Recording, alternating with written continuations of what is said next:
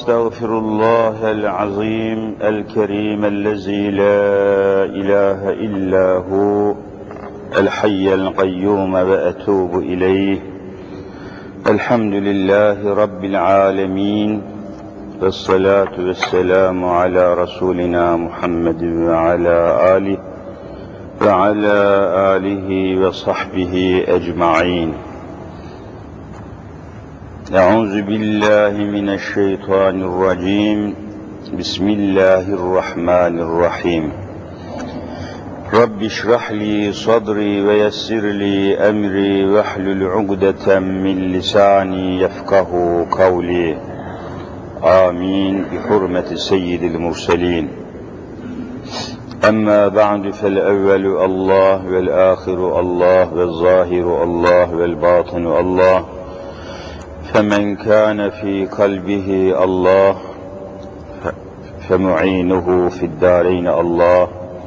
فمن كان في قلبه غير الله فخصمه في الدارين الله.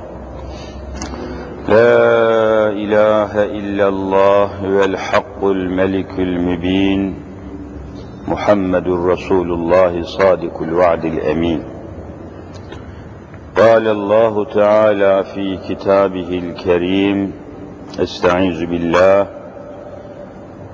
وقال الرسول يا رب إن قوم اتخذوا هذا القرآن مهجورا صدق الله العظيم وبلغنا رسوله النبي الكريم Muhterem Müslümanlar, kıymetli müminler, bugünkü dünyada yeryüzünde yaşayan, yaşadığı ileri sürülen Müslümanların çektikleri bütün ezalar, cezalar, azaplar, gazaplar, çektikleri sıkıntılar, sarsıntılar, musibetler, belalar kesinlikle bir tek sebebe, çok sebebe değil, bir tek sebebe dayandığı konusunda Kur'an'dan aldığımız bir hükmü sizlere arz etmek suretiyle hem günümüzün meselelerini müzakere etmiş olmak hem de belli bir noktada Müslümanların ittifak etmesini sağlamak gayesiyle bugünkü dersimizi bu sualin etrafındaki Kur'an'ın verdiği cevaplarla vaktimizi, zamanımızı değerlendirmeye çalışacağız. Cenab-ı Hak cümlemizi rıza ve rahmetine nail eylesin. Evet, çekilen bütün sıkıntılar şu anda yeryüzünde en sıkıntılı milletler Müslüman milletler olduğunu anlamayan, görmeyen, duymayan kalmadı. Şu anda yeryüzünün en sıkıntılı milletleri, özgürlükleri ellerinden alınmak istenen milletler, kültür kaynakları, medeniyet kaynakları, inanç kaynakları ellerinden alınmak istenen milletler, ezilen milletler, sömürülen milletler, hem dünya nimetlerinden hem de ahiret saadetinden mahrum edilmek istenen milletler şu anda tek kelimeyle Müslüman olduğu söylenen milletlerdir. Burada hiç kimsenin bir itirazı yok. Alemi İslam diyoruz ama şu anda bir İslam aleminden bahsediyoruz, bahsediliyor fakat demin dediğim gibi bu İslam aleminin kelimeden de anlaşılacağı üzere İslam ile ne ölçüde bütünleşmiş olduğu ne ölçüde İslam ile beraber hayatını, yaşayışını, davranışını, tavrını, tarzını İslam ile ne ölçüde telif ettiği tartışılması gereken bir alemin olduğunu göz önünde bulundurursak, bu çekilen sıkıntıların, azapların, musibetlerin, terörün, anarşinin, katliamın, kahrın ve buna benzer ne kadar olumsuz davranışlar, istenmeyen durumlar varsa, alemi İslam'ın başında kara bulutlar gibi dolaşmasının sebebinin bir tek olduğu konusunda Kur'an bizi uyarıyor. Çok sebep aramaya gerek yok. Tek bir sebep. Bunu bugün inşallah anlatmaya ve Kur'an'dan bu konuyu aydınlatmaya, sünnet-i Muhammediye ile bu hususu tekit etmek suretiyle bu sualin cevabını bugün aramızda müminler olarak, Müslümanlar olarak müzakere diyorum çünkü çoğu zaman konular biliniyor ama hatırlatmak için unutulmuşsa hatırlansın diye tekrar kürsüye getirmekte fayda olduğu mülahaza ediliyor. Bakınız Kur'an'ın daha Kur'an'ın nazil olduğu asırda yani Kur'an'ın peyderpey veya bir başka tabirle Kur'an'ın perakende azar azar nazil olduğu zamanlarda ve devirlerde bizatihi Kur'an'ı tebliğ etmeye memur olan Hazreti Muhammed Mustafa sallallahu teala aleyhi ve sellem daha o zaman kavminden yani toplumdan şikayet ediyor. Kur'an-ı Kerim'i baştan sona okusanız Allah'ın Habibi, Allah'ın Resulü Muhammedül Emin aleyhissalatu vesselamın şikayetine fazla rastlamak mümkün değil. Ama şikayet ettiği bir şey var. Habibullah şikayet ediyor. Resulullah şikayet ediyor hali hayatında, o asırda, o devirde, daha Kur'an nazil olurken, Kur'an daha gökten yere inerken, o devirde Allah Resulü'nün bir şikayeti var. Bunu anlatayım. Aynen bugün içinde bulunduğumuz perişanlığın, felaketin, sefaletin, rezaletin, zaruretin ve akla hayale gelmez musibetlerin içinde bizim de aynen Allah Resulü'nün şikayet ettiği tablonun içinde olduğumuz görülecektir. Ayeti okuyorum. Kur'an-ı Mübin'de Hazreti Muhammed'in en korkunç şikayeti. Kimi kime şikayet ediyor? Onu göreceğiz. Estaizu billah. Fürkan suresinin 30 numaralı ayetini okuyorum. Kur'an'da Fürkan adındaki mübarek surenin 30 numaralı ayeti işte bahsettiğim hadiseyi bize haber veriyor. وَقَالَ Rasulü Resul burada açıkça Hazreti Muhammed Mustafa'dır. Allahümme salli ala seyyidina Muhammed. Er Resul. Bizzat Resul-i ahir zaman yani zamanın sonunda bütün peygamberlerin sonunda yeryüzünün tamamına peygamber olan Hazreti Muhammed Mustafa Rabbül Alemine şikayet ederek şöyle buyurdu. Şikayet bu. Ya Rabbi ayet aynen böyle devam ediyor. Ya Rabbi inne kavmi ittehazu hazel Kur'ane mehcura. İnne kavmi şu benim muhatabım olan, beni dinleyen, aralarında bulunduğum, kendilerine Kur'an'ı okuduğum şu kavim, benim kavmim, benim toplumum, İttehazu hazel Kur'ane mehcura. Şu Kur'an-ı Kerim'i mehcur edindiler, metruk edindiler. Çok ilginç bir ayet bu. Saatlerce tefsir etsek bitmez. Mehcur kelimesi var. Hecere, yehcuru, hecren, hicran. Hicran. Hicran kelimesi buradan geliyor. İçinizde hangi Müslüman kardeşimize sorsak hicran ne demek? Mutlaka cevabını verirsiniz. Hicran. Hicret kelimesi buradan geliyor. Hicran kelimesi buradan geliyor.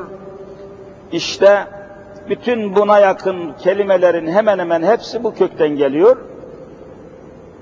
Ve Resulullah sadece ve sadece Rabbül Alemine karşı bu hususta duyduğu endişeyi, sıkıntıyı ve rahatsızlığını bizzat Rabbül Alemine şikayet ediyor. Ya Rabbi, aynen kelime. İnne kavmi, şu benim kavmim. Yani kendilerine Kur'an'ı okuduğum topluluk. İttehazu edindiler, aldılar, alıyorlar. Hazel Kur'ane, şu Kur'an'ı alıyorlar. İttihaz almak demek, edinmek, sahiplenmek. Kur'an'ı alıyorlar, ne olarak? Mehcura, terk edilmiş olarak, ilgisiz olarak, değersiz olarak, ilgisiz olarak, çok çok çok ilginç bir ayet bu. Ulemanın üzerine çok durduğu bir ayet kürsülerde fazla açıklanmamış bir ayet. Kürsülere fazla getirilmemiş bir ayet bu. Arapça gramer esaslarına göre üzerinde bir hayli durulması gereken bir ayet.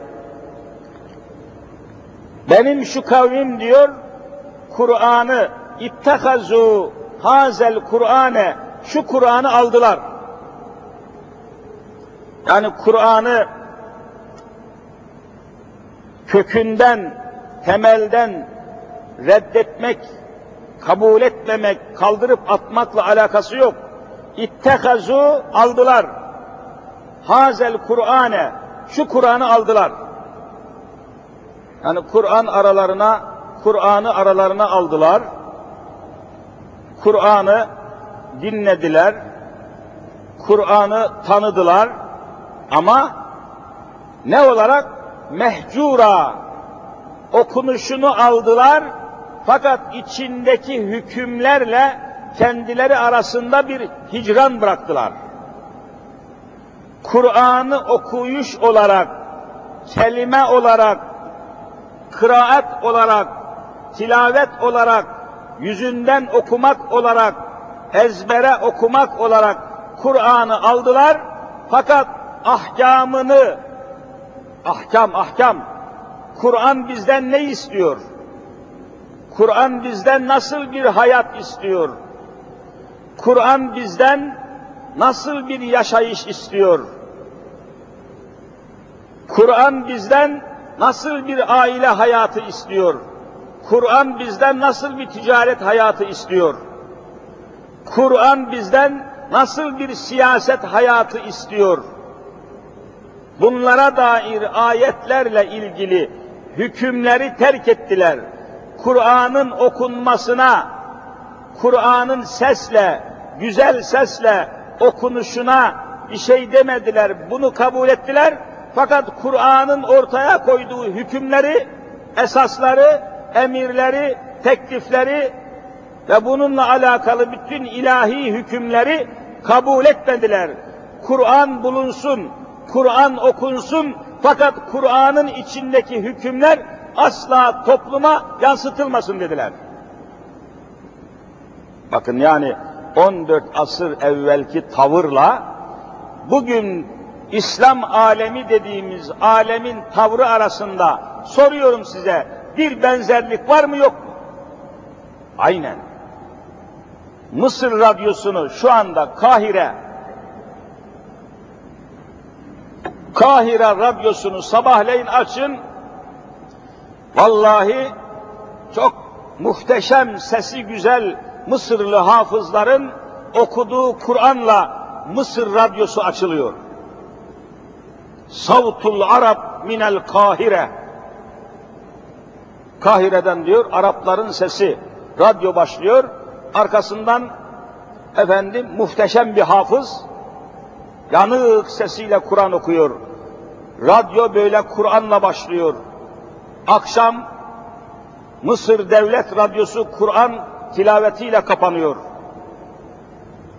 Cuma günü Mısır'da, Kahire'de, merkezi camilerde o muhteşem hafızlar Kur'an okuyor. Ama yeryüzünde İslam'ın en büyük düşmanı Mısır devleti. Düşünebiliyor musunuz? Her gün 200'den fazla Müslümanı öldürüyorlar. Hüsnü Mübarek adındaki şerefsiz kafir. İsrail'in emriyle, Amerika'nın emriyle günde 200 Müslümanı katlediyor. Ama Mısır radyosu Kur'an'la başlıyor. Çok ilginç. Kur'an'ın tilavetine, kıraetine, okunmasına, hafız olunmasına, Kur'an'ın ezberlenmesine bir şey demiyorlar. Fakat Kur'an'ın yaşanmasına, Kur'an'ın tatbikatına, Kur'an'ın parlamentoya girmesine, Kur'an'ın anayasa olmasına tümüyle karşı çıkıyorlar.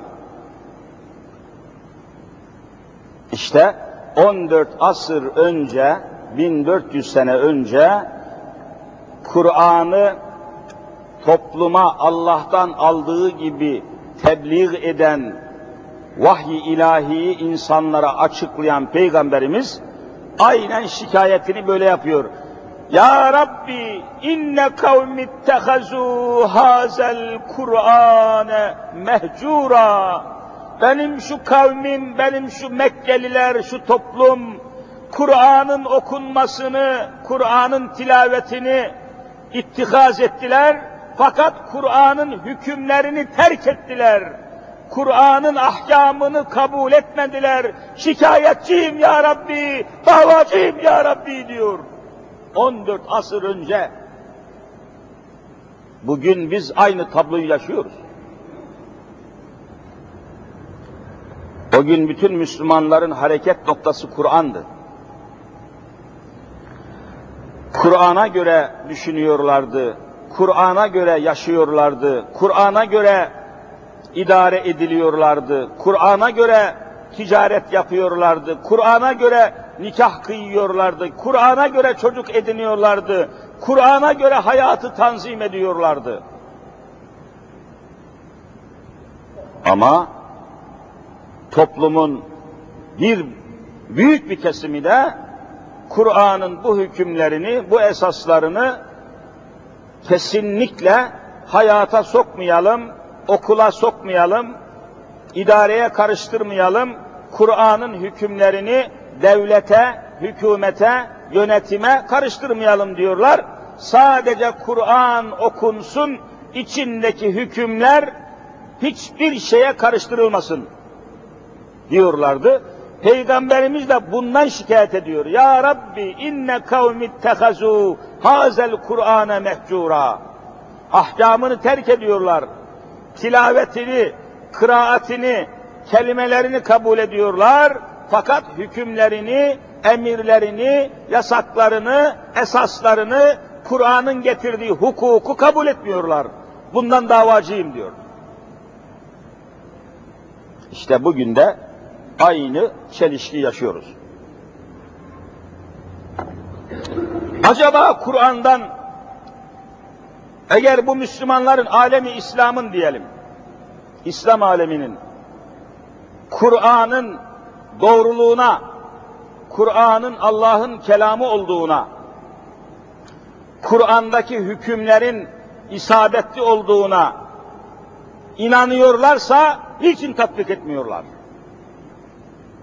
Kur'an'daki maddelerin, Kur'an'daki kanunların, Kur'an'daki mesela yasakların, Kur'an pek çok şeyi yasak etmiş. Kur'an-ı Kerim pek çok şeyi emretmiş. Şunu şunu şunu yapın diyor. Bu hükümlerin, bu emirlerin, bu yasakların isabetli olduğuna, geçerli olduğuna, mükemmel olduğuna inanmasalardı Müslüman olamazlardı. İnanıyorlarsa niçin tatbik etmiyorlar? İşte buradaki çelişki Allah'ın Resulünü şikayete sürüklemiştir. Bizim de halimiz bundan başkası değildir. Kardeşler soruyorum, şu Kur'an-ı Kerim'de yanlış bir şey var mı? Vardır dediğiniz takdirde Kur'an'da yanlış vardır. Kur'an'da eksiklik vardır. Kur'an'daki hükümler bu asırdaki insanların yönetimine kafi gelmez, uygun düşmez. Kur'an 1400 sene evvel nazil olmuş. Şimdiki insanları nasıl yönetir, nasıl idare eder, nasıl insanların ihtiyacına kafi gelir denirse burada Müslüman olmak mümkün değil. Bu düşüncenin sahibi vallahi kafir olur. Mümin olamaz. Peki müminse Kur'an'da eksiklik yoktur. Kur'an'ın hükümleri o asırdaki insanlara da, bu asırdaki insanlara da, gelecek asırdaki insanlara da yeter diyorsa neden bunu tatbik etmiyor? Bu çelişkinin hesabını Allah'a veremeyiz.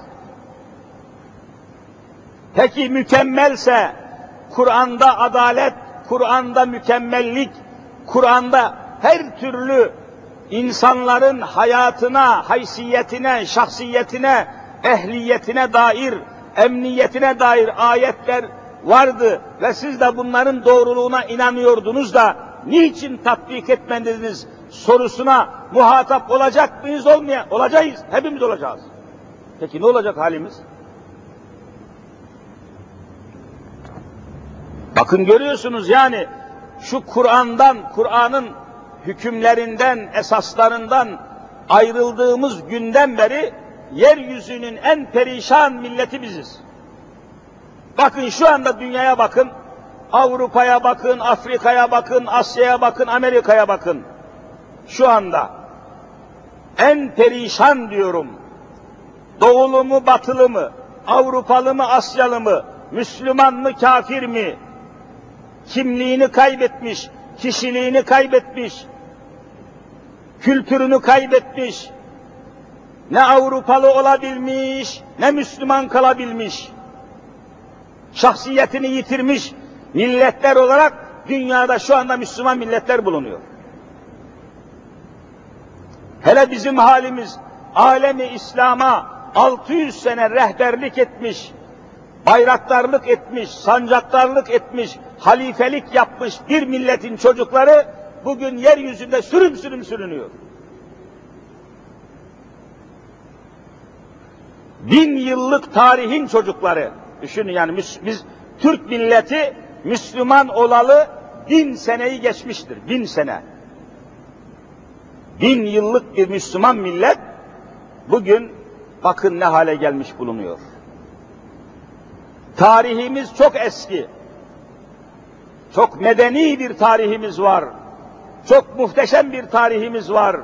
Ama bugün bakın halimize o tarihle hiçbir kabili telif tarafımız yok. Amerika'nın tarihine bakın 200 senelik bir devlet. Bakın bin senelik demiyorum.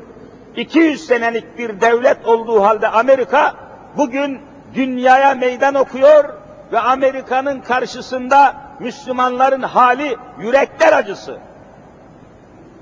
Bir Amerikan dolarını satın almak için 75 bin lira ödeyen başka Türklerden başka hiçbir millet kalmadı. Dünyanın en eski, en perişan, en fakir, en zavallı kabileleri olan Afrika kabileleri bile Tanzanya, bakın Tanzanya bir dolar almak için 47 bin lira para ödüyor. Biz onlardan daha fazla 75 bin lira ödemek zorunda. Dünyada bizim kadar doların altında kalmış, doların altında ezilmiş başka bir ülke gösteremezsiniz. Niye böyle oldu? Niçin böyle oldu? Ve bu doların, ehli küfrün, Amerika'nın egemenliği altında Müslümanların duasının kabul olması mümkün değil. Niye? Çelişki içindeyiz. Çelişki. Bakın mesela çeşitli vesilelerle gerek hacda, Arafat'ta, Müzdelife'de, Mina'da, işte Safa tepesinde, Merve tepesinde, ziyaret mahalli, mahallerinde Rabbimize dua ediyoruz. El açıyoruz, dua, dua, dua. Ne diyoruz mesela? Misal olsun diye söylüyorum. Ya Rabbi zalimlere fırsat verme diyoruz. Bakın zalimlere kuvvet verme. Zalimlere kudret verme. Zalimlere fırsat verme. Bugün dünyanın en büyük zalimi kim? Amerika. Bütün dünyayı tehdit ederek silahla, atomla, nükleer enerjiyle tehdit ederek uçak gemisiyle, atom gemisiyle, nükleer güçle dünyayı tehdit edip bütün dünyayı soyuyor, soyuyor, yiyor, semiriyor, sömürüyor vallahi bütün dünyayı. Dünya nimetlerinin yüzde altmışını tek başına Amerika yiyor. Bir Amerikan deniz askerinin, deniz piyadesinin gemide askerlik yapan bir Amerikan deniz askerinin bir sabah kahvaltısı bir Türk askerinin 13 günlük yiyeceğinden fazla. Lüks, korkunç lüks. Dünyanın, dünyada yetişen nimetlerin yüzde altmışını tek başına Amerika yiyor. Yüzde kırkı kalıyor geriye, o yüzde kırkını da dünyadaki altı milyar insan yiyor. Bakın ne hale gelmiş dünya. Zalim. Amerika'yı da iliklerine kadar sömüren İsrailoğulları, Yahudiler. Lobileri var, holdingleri var, karterleri var, zenginlikler, bütün haber teşkilatları, bütün ajanslar, muhabirler olduğu gibi Yahudilerin elinde. Dünyayı Amerika sömürüyor, Amerika'yı da Kur'an'a yemin ederek söylüyorum, İsrail sömürüyor. E biz de ne diyoruz? Ya Rabbi zalimlere kuvvet verme, zalimlere kudret verme, zalimlere fırsat verme, zalimlere imkan verme diye dua ediyoruz. Sonra ne yapıyoruz? Tam bir çelişkiye düşüyoruz. Veya düşürülmüş oluyoruz. Herhangi bir sebeple elimize geçen Türk parasını diyelim ki içinizden bir kardeşimize akşamsa akşam, sabah sabahsa sabah neyse şöyle 40 milyon, 50 milyon para geçtiği zaman Türk parası eğer hemen kullanmayacaksanız, hemen kullanamayacaksanız bu parayı evvela götürüp neye veya nereye yatırıyorsunuz? Dolara. Dolara yatırıyoruz. Hiç bunda sakınma yok, çekinme yok. Tamam hacısı da, hocası da, müftüsü de, diyanet reisi de hepimiz götürüp paramızı dolara yatırıyoruz. Bu sefer doların dolara talep arttıkça, dolara müşteri arttıkça, dolar istendikçe, dolara koştukça, dolara paramızı yatırdıkça dolar yükseliyor mu, alçalıyor mu? Yükseliyor. Yükselince dolar ve doların sahibi olan Amerika kuvvetleniyor mu, zayıflıyor mu? Kuvvetleniyor. Amerika'yı kuvvetlendiren siz misiniz, başkası mı? Biz kuvvet, her eline geçen parayı, Türk parasını dolara koşturursan, aman dolara yatırayım, aman marka yatırayım, oraya koşarsan, onlar da yükselirse, kuvvetlenirse, bu adamlar kimin eliyle kuvvetleniyor? Müslümanların. Onlar Ya Rabbi kafirlere kuvvet verme şeklinde dua sözümüzle, ağzımızla böyle dua ederken elimizle bunun aksini yapıyor muyuz, yapmıyor muyuz? İrfanınıza havale ediyorum. Çelişkiye düştüğümüzü anlatmak istiyorum. Beytullah'ı ziyarete bile, hacca bile, Kâbetullah'a bile Türk parasıyla değil de Amerikan dolarıyla giden bir hacının duasının kabul olacağından vallahi endişeliyim. Şüpheliyim. Kalbime kanaat gelmiyor. Ya Rabbi zalimlere kuvvet verme derken, zalimlerin parasına paramızı tebdil ede ede ede onları kuvvetlendirmek durumunda düşen biz kendimiz oluyoruz. Bizi bu hale düşürmüşler. Devleti yönetenler düşürmüş. Başbakanlar bizi bu hale düşürmüş. Cumhurbaşkanları bu hale bizi düşürmüş. Amerikan tuzağına düşürmüşler bizi. Devlet adamları bu tuzağa düşürmüş bizi. Bu tuzaktan bizi kim çıkaracak? Bu çelişkiden bizi kim kurtaracak? Mesela burada.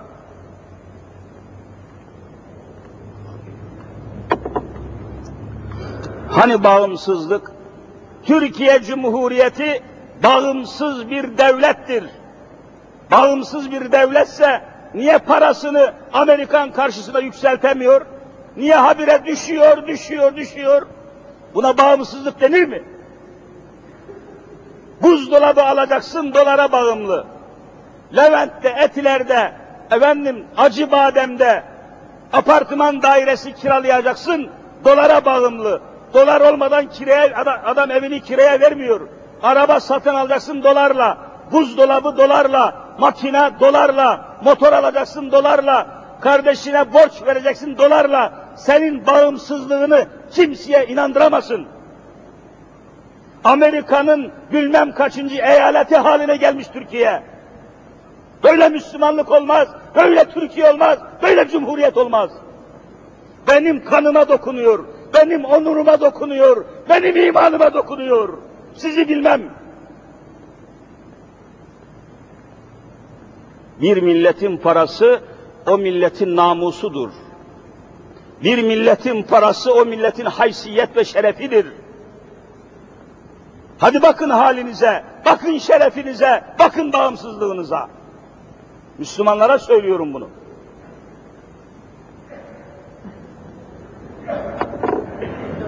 Bugün Müslüman Müslümana borç veremiyor. Türk parası olarak borç veremiyorsunuz. Niye? Bugün verdiğiniz para üç gün sonra pul haline geliyor. Yardımlaşma kalktı, zekat kalktı, tasadduk kalktı, yardımlaşmanın bütün imkanları kaldırılıyor. Enflasyon belası, Amerikan doları belası, faiz belası insanların insanlardan uzaklaşmasına yol açtı. Kardeşlik ölüyor, akrabalık ölüyor, Müslümanlık ölüyor. Bunun azabını hissetmemiz lazım. Bunun ızdırabını yüreğinde hissetmeyen Müslümanın imanında kemal aramak mümkün değildir. Bunun sebebi nedir? 14 asır önce Allah Resulü'nün şikayet ettiği hale düşmüş olmamızdır. Onlar Kur'an'ın okunmasına bir şey demediler fakat Kur'an'ın ahkamına karşı çıktılar. Canım Kur'an-ı Kerim okunsun tamam.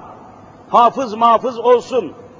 Sakın Kur'an'ın hükümleri okullara, idareye, siyasete, ticarete, hayata hükmetmesin. Aynen bugün bu tuzağı yaşıyoruz.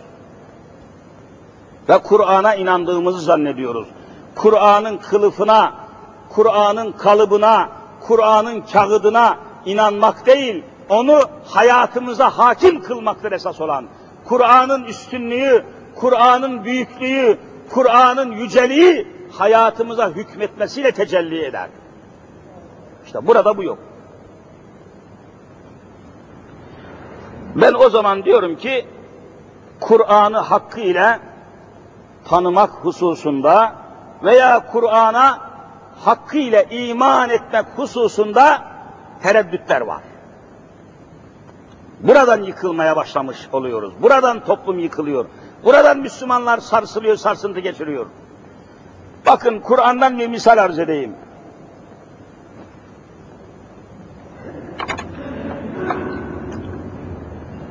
Mekke-i Mükerreme'de Kur'an demin dediğim gibi azar azar peyderpey nazil oluyor.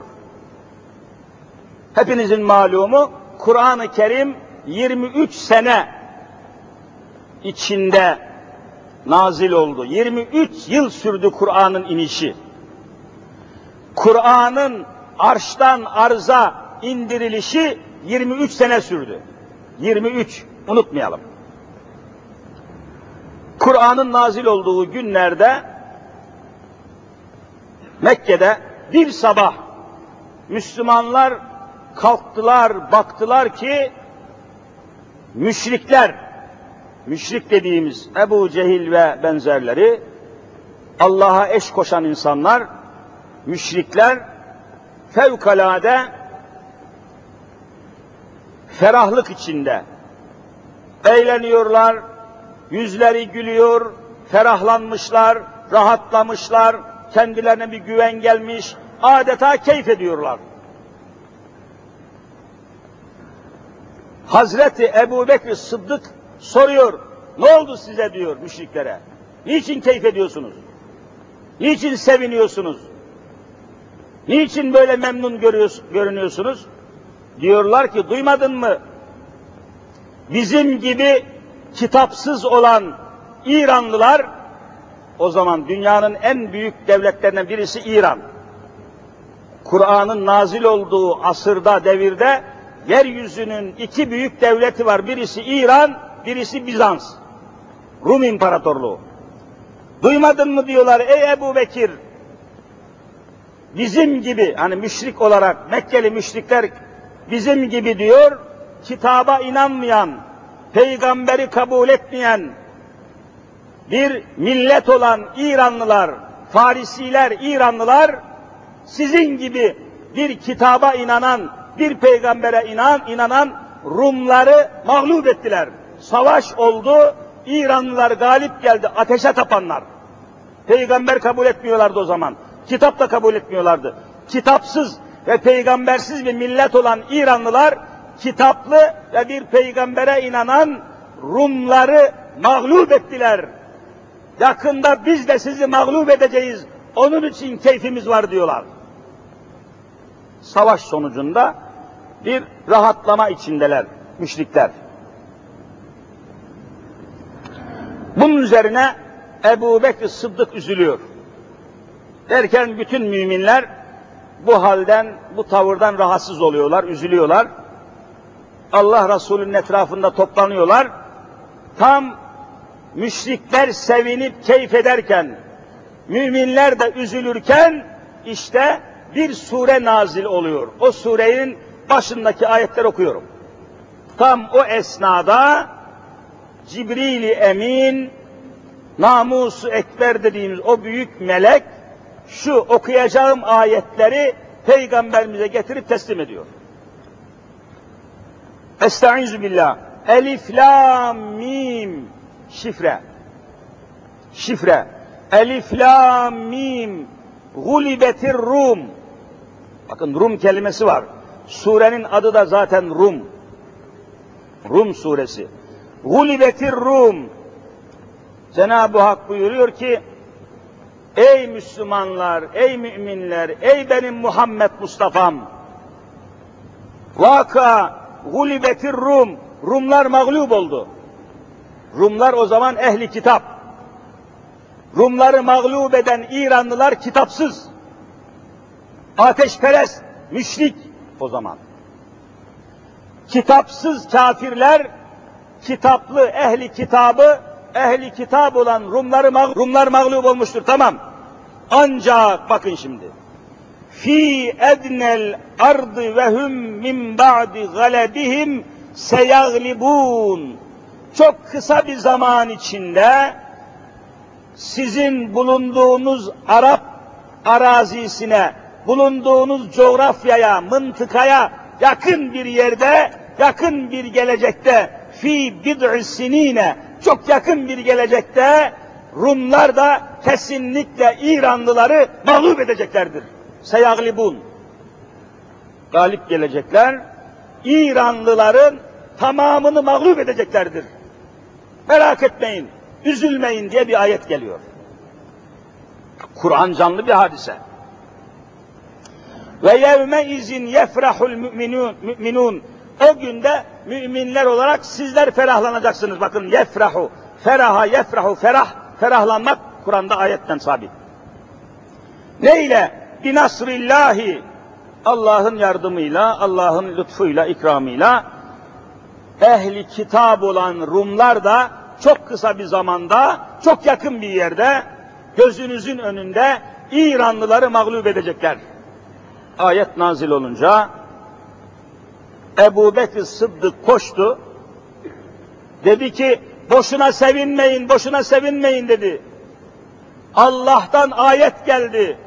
Kur'an'a, Kur'an'dan bir ayet nazil oldu, geldi. Cenab-ı Hak ayette bildiriyor ki çok yakın bir gelecekte, çok yakın bir noktada, coğrafyada Rumlar İranlıları mağlup edecek. Kitaplılar kitapsızları mağlup edecek. Ayet geldi. Boşuna ferahlanmayın deyince Ebu Bekir adamlar inanmadılar. İnanmıyoruz dediler, kabul etmiyoruz dediler.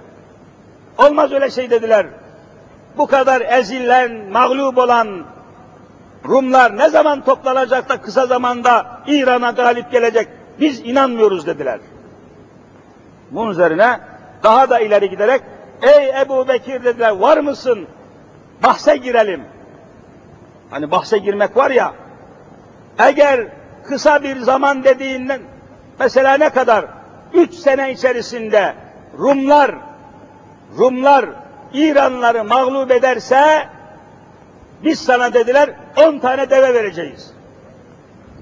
Eğer İranlılar Rumları mağlup ederse sen bize on tane deve vereceksin. Kabul mü? Bahse giriyor musun dedi. Yani bir toto oynamak gibi bir şey bu. Ebu Bekir Sıddık gözünü kırpmadan tamam dedi. Ben de katılıyorum dedi. Eğer Kur'an'ın dediği gibi kitaplı Rumlar, ehli kitap olan Rumlar, kitapsız olan İranları mağlup ederse sizden on tane deveyi alırım. Aksi çıkarsa ben size deveyi vereceğim dedi ve cesaretle kabul etti, mukavele imzaladılar. Bakın yani Kur'an o kadar canlı bir hadise ki en ufak bir tereddüt yok. Koşa koşa Peygamberimiz Efendimiz'e geldi Ebu Bekir Sıddık radıyallahu anh Efendimiz. Dedi ki ya Resulallah müşrikler benim okuduğum ayetlere inanmadılar. Rumlar galip gelecek dedim inanmadılar.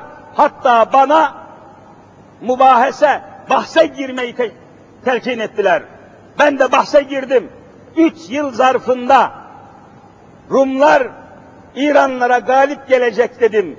Dediğim çıkarsa bana on tane deve verecekler. Onların dediği çıkarsa ben vereceğim. Ben de bunu kabul ettim deyince Efendimiz buyurdu ki iyi yapmışsın. Ancak eksik bir şey var buyurdular. Git onlara de ki seneyi çoğalt. Bu bid'i sinine bid'i sinine üçten dokuza kadar olan bir zamanı kuşatır. Üçten dokuza kadar sadece üç değil. Üçten başlar üç kere üç yani dokuza kadar olan zamana bid'i sinin denir. Sen bunun zamanını dokuza kadar uzat dediler.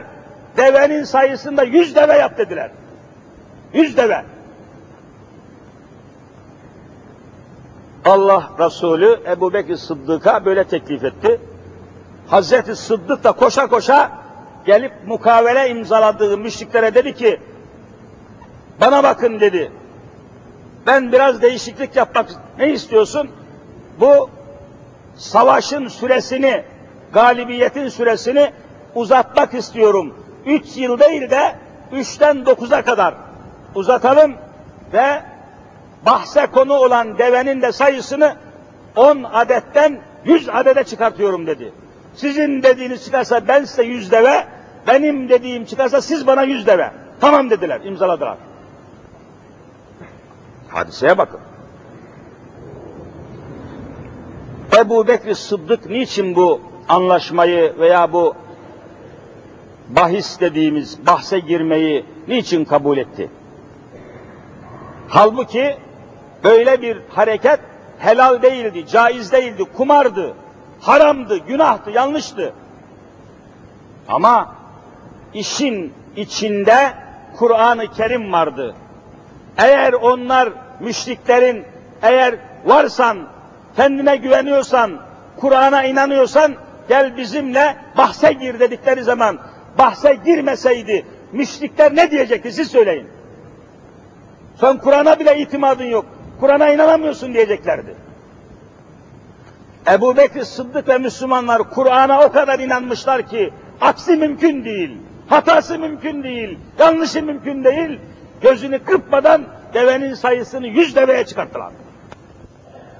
Hakikaten Kur'an'ın dediği gibi kuvvetlendi, hazırlık yaptılar ve Şam yakınlarında, Şam, eskiden Şam'a Dimaskus, yani Dimaşk derlerdi. Hristiyanların hakimiyet altındaydı. Şam yakınlarında ateşe tapan İranlılarla, müşrik İranlarla yeniden savaşa başladılar, yeniden tutuştular, yeniden kapıştılar ve hakikaten Kur'an'ın dediği gibi Rumlar İran'ı baştan başa çiğnediler, İran ordusunu bütün fertleriyle silip süpürdüler, galip geldiler.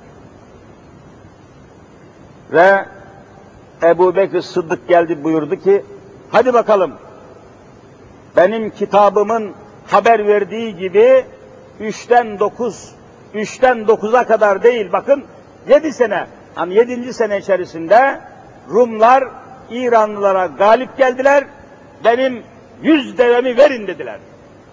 Yüz devemi verin bakayım. Onlar da gözünü kırpmadan haklısın dediler ve yüz deveyi Ebu Bekir Sıddık'a teslim ettiler. Ama bakın hidayetin kaynağına mümin olmanın, Müslüman olmanın nasıl Allah'ın elinde olduğu hakikatine bakın ki bunca açık bir mucizeyi, bunca açık bir hadiseyi gördükleri halde o bahse girenlerin hiçbirisi iman edip Müslüman olmadı. Yine inanmadılar. Ebu Bekir Sıddık da bu yüz deveyi aldı, teslim aldı, geldi Allah'ın Resulüne sordu.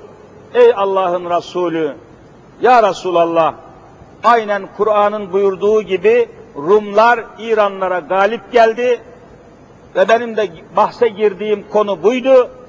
Bana yüz deveyi teslim ettiler. Ve ben bu yüz deveyi ne yapayım? Bu yüz deveyi ben ne yapacağım şimdi? Aldım. Karşılığı yok bunun. Spor toto gibi yani. O çıkarsa bu, bu çıkarsa o.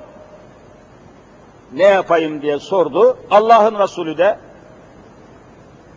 hiç tereddüt geçirmeden bu yüz devenin tamamını kes, kavurma yap, bütün fakirlere dağıt, onlara helaldir buyurdu.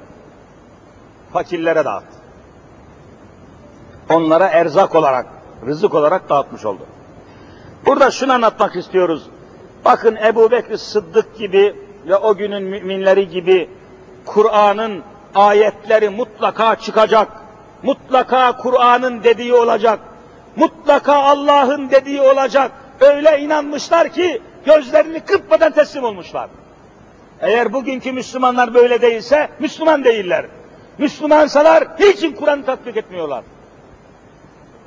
Niçin Kur'an'ı hayatına hakim kılmıyor? Niçin Kur'an'ı parlamentoya hakim kılmıyor? Niçin Kur'an-ı Kerim anayasa olmuyor? Bana bunun cevabını versinler.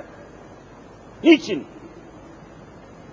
Eğer gerçek değilse, tereddüdü varsa, şüphesi varsa canım Kur'an-ı Kerim bugünkü insanlara hitap etmez. Kur'an-ı Kerim eskimiş. Kur'an-ı Kerim yetersiz. Kur'an-ı Kerim artık bugünkü insanlara insanları tatmin etmez. Çağdaş insanlara hitap etmez diyorsa bunu diyen adam zaten Müslüman olamaz. Yok Kur'an-ı Kerim tamamdır, isabetlidir, doğrudur, haktır. Bugünkü insanlara da kıyamete kadar gelecek insanlara da hitap etmektedir. Kur'an çağlar üstüdür, bütün devirler içine alır. kıyamete kadar Kur'an tamamdır diyorsa niçin hayatına hakim kılmıyor? Niçin?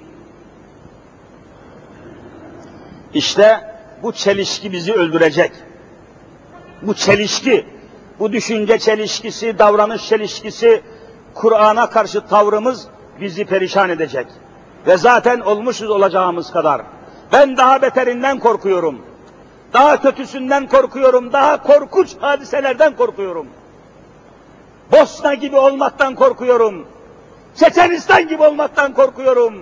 Lübnan gibi katliam olacağımızdan korkuyorum. İç savaştan korkuyorum. İstila edilmekten korkuyorum. Bütün bütün bağımsızlığımız elimizden alınacağından korkuyorum. Niye? Yok işte görüyorsunuz güçlü bir devlet adamı yok. Tarihimizin en sıkıntılı dönemini yaşıyor. Devlet adamı yok. Devlet adamı yok. Devlet adamı yok. Dün ak dediğine bugün kara diyen, bugün kara dediğine yarın ak diyecek olan insanlar vallahi devlet adamı olamaz. Devlet adamı yoksa orada düzen, nizam, ahenk, emniyet, ehliyet olmayacağına göre geleceğimiz karanlık olur, tehlike olur. Cenab-ı Hak hocalarımıza gani gani rahmet eylesin. Bir hocamız vardı, İslam tarihi dersine gelirdi, ilahiyatta İslam tarihi dersine, Mehmet Zekai Konrap'a, ruhu şad olsun, büyük bir İslam tarihçisiydi. Mehmet Zekai Konrapa namında. Bir gün derste dedi ki çocuklar bugün dedi özel bir ders yapalım. Hususi bir ders. Buyurun hocam dedik. Dinliyoruz dedik. Buyurdular ki toplum hayatında, millet hayatında herkesin bir mesleği var. Mesela hukukçular var, hekimler var, tabipler var, mühendisler var, mimarlar var. Var tabi birçokları var. Siyaset adamları var.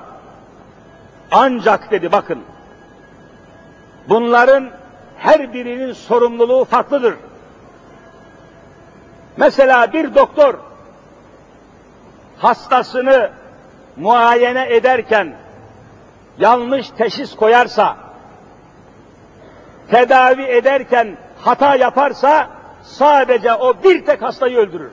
Öyle mi değil mi? Bir tek hastayı öldürür. Teşhiste hata ederse, tedavi ederken yanlış tedavi ederse bir tek hastayı öldürür. Daha fazla insanı zarara sokmaz. Doğru. Bir hakim dedi yahut bir avukat neyse yargıladığı adamı mahkeme ettiği adamı muhakeme eder, ederken hata ederse, yanlış karar verirse sadece o yargıladığı kişiyi idama götürür. Bir kişi ölür. Başka olmaz. Bir mimar, bir mühendis hata ederse işte bir kişinin evi çöker. Bütün mahalle çökmez. Ama bir siyaset adamı, bir devlet adamı hata ederse Vallahi milletin tamamı çöker dedi. Milletin tamamı ölür. İşte çekiç gücü soktular. Kim soktuysa bilen biliyor. Daha o çekiç gücü kimse çıkaramıyor.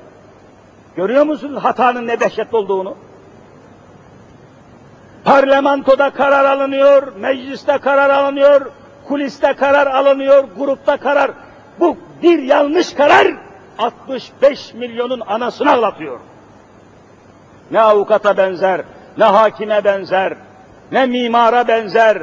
Devlet adamlığı çok mühimdir. Siyaset adamlığı çok mühimdir. Çok mühimdir. Bütün bir milleti bağlar, bütün bir millet ağlar, bütün bir millet patlar. Onun için siyasete İslam'ın hakim olması lazım. Siyasete Hazreti Muhammed'in hakim olması lazım. Siyasete Kur'an'ın hakim olması lazım. Çünkü Kur'an hata etmez. Çünkü Muhammed Mustafa hata etmez. Hatasız insanların, hatasız kaynakların sahip olması lazım. İşte halimiz ortada. Cenab-ı Hak cümle ehli imanı da bahusus ehli imanın gözünü dikip üzerimizde bütün dikkatlerin topladıkları milletimize de, Müslüman milletimize de İslam devletini 2000 yılına ulaşmadan nasip eylesin inşallah. Görüyorsunuz halimiz ne hale geldi. Yolumuz ne oldu, halimiz ne oldu. Şu parlamentonun haline bakın, şu milletvekillerinin haline bakın. Aman ya Rabbi, utanıyorum. Böyle siyaset olur mu? Böyle idare olur mu? Böyle parlamento olur mu? Hiçbir çözüm getiremiyor, işsizliği önleyemiyor, kanun koyamıyor, adaleti sağlayamıyor, paylaşımı getiremiyor, emniyeti sağlayamıyor, kardeşliği getiremiyor, barışı sağlayamıyor, hiçbir meseleyi çözemiyor. Utanç duyuyorum bu parlamentodan, utanç duyuyorum. Geçen de söylemiştim, bu parlamentonun bu millete bir günlük maliyeti 13 milyar, 13 milyar, 13 milyar. Dakikası 125 milyona geliyor. Sen ödüyorsun parayı. Allah sonumuzu hayır eylesin. Allah bu sistemi İslam'a tebdil eylesin. Allah anayasayı Kur'an'a tebdil eylesin inşallah. Hak Teala cümlemizi bu davada muvaffak eylesin. Ezan okundu uzatmayayım. Kardeşler, müminler, Cenab-ı Hak en kısa zamanda şu masum millete, şu sahipsiz kalmış pazarda, panayırda vesaire mekanlarda hiçbir denetim yok, eğitim yok, yönetim yok, üretim yok, tüketim yok. Tereddütler içinde bulunan şu millete en yakın zamanda layık olduğu ilahi, rahmani, Rabbani bir idareyi nasip-i müyesser eylesin inşallah. Bu yolda çalışmamız gerekiyor. Bu yolda mücadele etmemiz gerekiyor. Akılla, ilimle, bilimle, Kur'an'la, sünnetle insanlara ulaşmamız gerekiyor. Bu yolda çalışan kardeşlerimiz, hocalarımız, vakıflarımız, derneklerimiz size zaman zaman müracaat ediyorlar. İmam Hatip dernekleri, ilim yayma cemiyetleri, vakıflarımız sizin yardımınıza, sizin desteğinize müracaat ediyorlar. Allah aşkına çekinmeyin. Zaten de hamdolsun çekinmeden, sakınmadan yapıyor, veriyorsunuz. Geçen cuma mesela Hüseyin Güleç Hoca kardeşim hutbeden ben de buradan söylemiştim. Neticede 175 milyon lira yardım ettiniz. Allah razı olsun. Her vesileyle veriyorsunuz ama bu dava yerine gelinceye kadar devam edeceğiz. Allah bizi buna muvaffak eylesin inşallah. Bu arada Cuma'nın dışında ayrıca sohbet yapmamızı isteyen kardeşlerimiz oldu. Önceleri Ihlamurkuyu Camisi diye bir camimiz var. Uhud Camisi de diyorlar. Ihlamurkuyu Camisi de diyorlar. Orada Cübbeli Ahmet Hoca Efendi, değerli bir kardeşimiz, mütevazi bir insan. Orada haftada bir gün vaaz ediyordu. O vaazını tebdili mekanda ferahlık vardır diyerek Türk iş bloklarına aldı. Her cumartesi akşam namazından sonra Türk iş bloklarında Mehmet Uslu Camii Şerifinde sohbet ediyor. Ben de burada boş kalmasın, alışan cemaat, orada talebeler var, bu vaaza alışmış, sohbete alışmış cemaatler var. Bir boşluk meydana gelmesin diye yaptıkları talep ve istek üzerine ben de Cuma akşam yani bugün bu akşam Cuma'yı cumartesiye bağlayan yani bu akşam akşam namazından sonra ben de Ihlamurkuyu Camisi'nde dini sohbet yapacağız. Zamanı olan, fırsatı olan kardeşlerimiz gelebilecek kardeşlerimiz için söylüyorum. Hak Teala cümlemizi yolunda